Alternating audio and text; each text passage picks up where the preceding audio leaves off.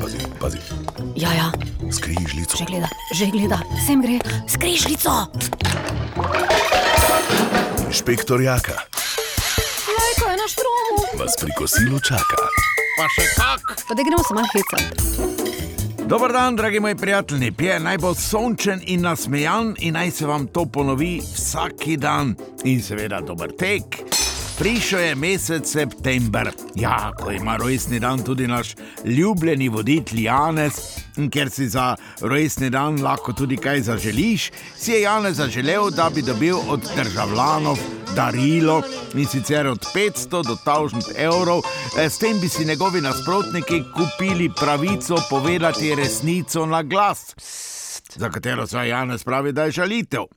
In ker je Janez kralj, je dovolil, da dobijo njegovi zvesti, brezvesti, eh, ministri in poslanci isto plačilo. Ne vem, sveda, če to velja tudi za opozicijske poslance. Dovolj je že, da bo Janez eh, ali pač eh, njegovi copateki razburjeni ali se bodo ob tem slabo počutili, predvsem pa, da bi bilo ob tem ogroženo njihovo dobro ime in dostojanstvo. Ja, za 1000 evrov si torej lahko kupiš dostojanstvo na položnici. Ja, to je ugodno, to je še bolj ugodno kot na boljšem sejmu, še tam ne bi bilo ceneje. No, takega zakona eh, niso kljub številnim tudi žaljivim kritikam nikoli predlagali Merklova, Macron, Sebastian Kurz, Joe Biden, niti Donald Trump ne, ker veliki politiki ne morejo izgubiti dostojanstva za noben denar. Ja, to imaš ali pa nimaš. Pri nas eh, pa še vedno velja pregovor: reci nesposobnemu, da je nesposoben, ja, pa boš videl, zakaj je sposoben. Kaj ti svoboda govora mora biti najbolj zaščitena prav pri kritiki, tako so sporočili strokovnjaki. Ja, in kaj zdaj narediti? No, ja, res je mesec september tudi kimavec. In tako bi lahko državljani to izkoristili in bi ob srečanju s politiki kimali in jih brez besed kulturno nagovarjali s tem, da bi jim molče podarili knjige in se tako izognili verbalnemu izražanju resnic po Janezovem, eh, seveda žaljivk. Recimo s takimi naslovi. Vladni koaliciji bi recimo lahko poklonili eh, knjigo Ali Baba in 40 razbojnikov ali pa Tatovi na obisku, Lovci na glave, posameznikom pa Idiot od Dostojevskega, Svinja v mestu, Butec in Butec, Lažnivi klukec in Janez in njegovi lepi urški, Lepotica in zver in pa seveda Mein Kampf. Adolfa Hitlerja, ki ga častijo njegovi somišljeniki za heroja. Ja, to je pa seveda samo nekaj mojih predlogov, lahko pa jim seveda tudi zapojete, se veste, saj kdo poje, zlo ne misli. Možeš da me tužiš za ozbiljnu pretnju Ali ipak pazi kad pođeš u šetnju Tada nemoj da ideš mojom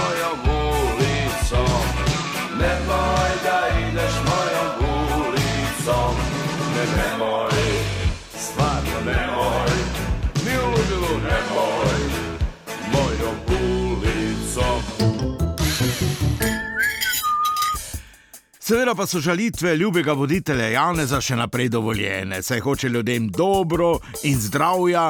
In zato jih pač pošilja v psihiatrično bolnico. Ali pa, ko reče, ali ima ljubljena polje dan odprtih vrat. No, ja, to je sicer žalitev za bolnike, ki niso to postali po svoji krivdi. Se mu pa zdi neumestno, Janezo, ne, da bi jih peljali izven zavoda ali pa izjava eh, Hojsa, da so policaji lenuhi ali pa da so protestniki svinje. No, ja, tudi to ni nič hudega, ampak gre kratko malo za Hojsovo, tako malo ljubosumnost, ker je pač svinja na ražnju bolj okusna od njega. Za njega nisu bile samo koke slatke, ne taj skako i na guske i na patke, a tek na čurke, čim je bilo neke šanse.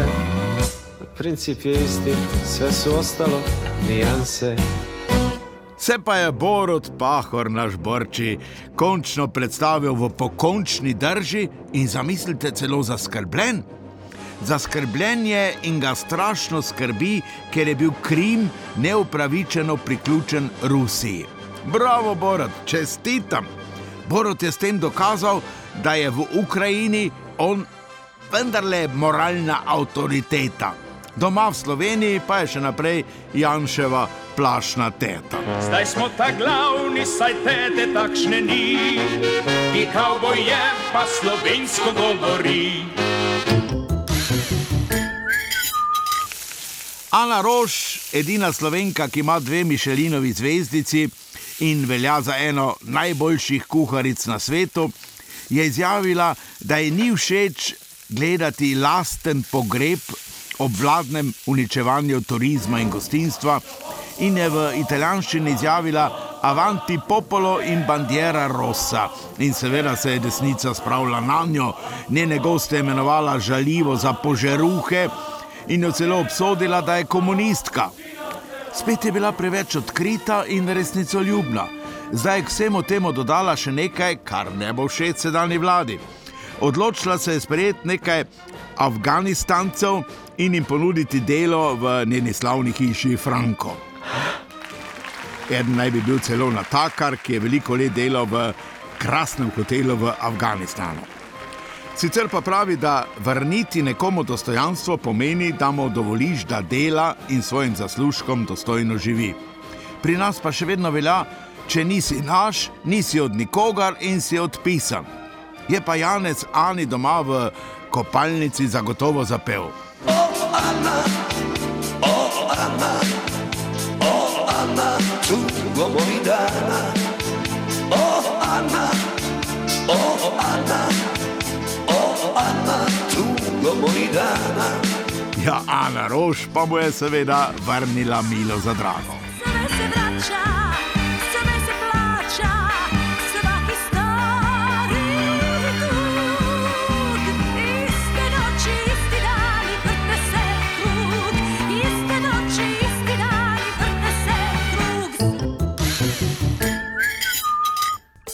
Četrtkovi tarči je Erika Žnidaršič zdravko to počivalšeku postavila nekaj konkretnih, eh, malce neprijetnih vprašanj.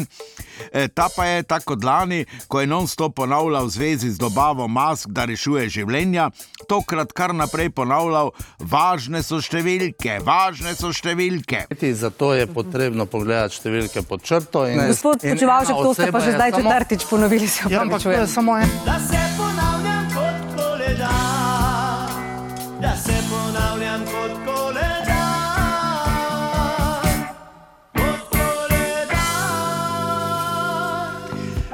No, zdaj pa še nekaj, kar je za naše politike bila in bo znanstvena fantastika. Tako so zapisali njeni državljani. Nemčija se je poslovila od svoje premijerke Angele Merkel s šestminutnim spontanim aplauzom. Nemci so jo na mesto kanclerke izvolili pred 18 leti in ona je ves ta čas, več kot 80 milijonov Nemcev, vodila odgovorno, spretno, predano in iskreno.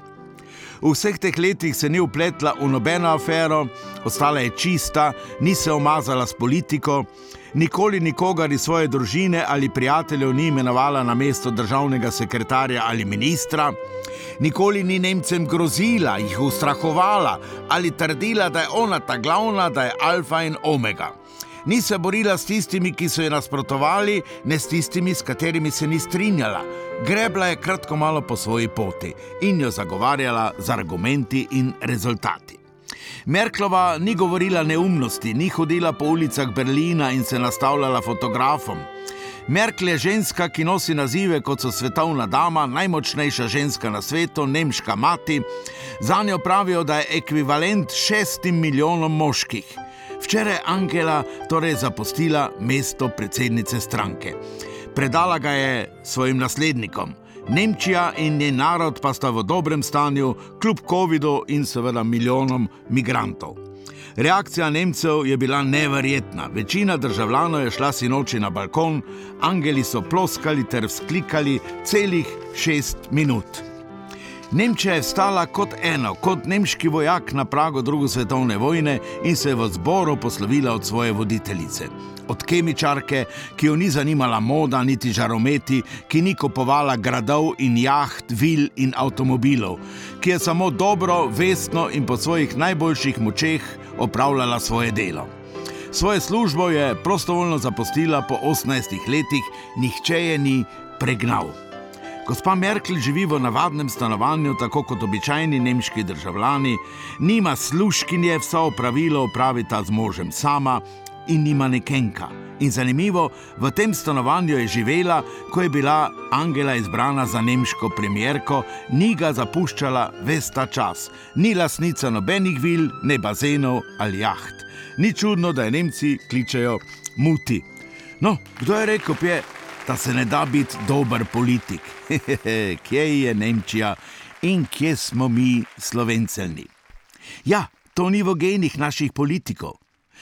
No, nekaj jasno, naslednjih sto let se takšen slovenec kot je Angela Merkel zagotovo ne bo rodil. Jaz lahko samo rečem srečno Angela na novih poteh življenja, tu pa za njo in za vse nas tista slavna Angie in Rolling Stones. Tudi vam, dragi prijatelji, je vse dobro želiva Simon, ki je bil na dopustu in se je kopal v lastnem Švicu, bil je pravi švicar, in inšpektor Jaka, ki je dvakrat cepljen in na svobodi. Napravite to še vi, pje, pa bomo svobodni vsi. Lepo zdrav, srečno in imejte se luštno. Angie,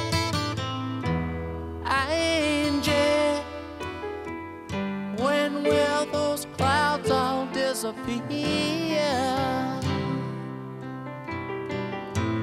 Angie, Angie, where will it lead us from here?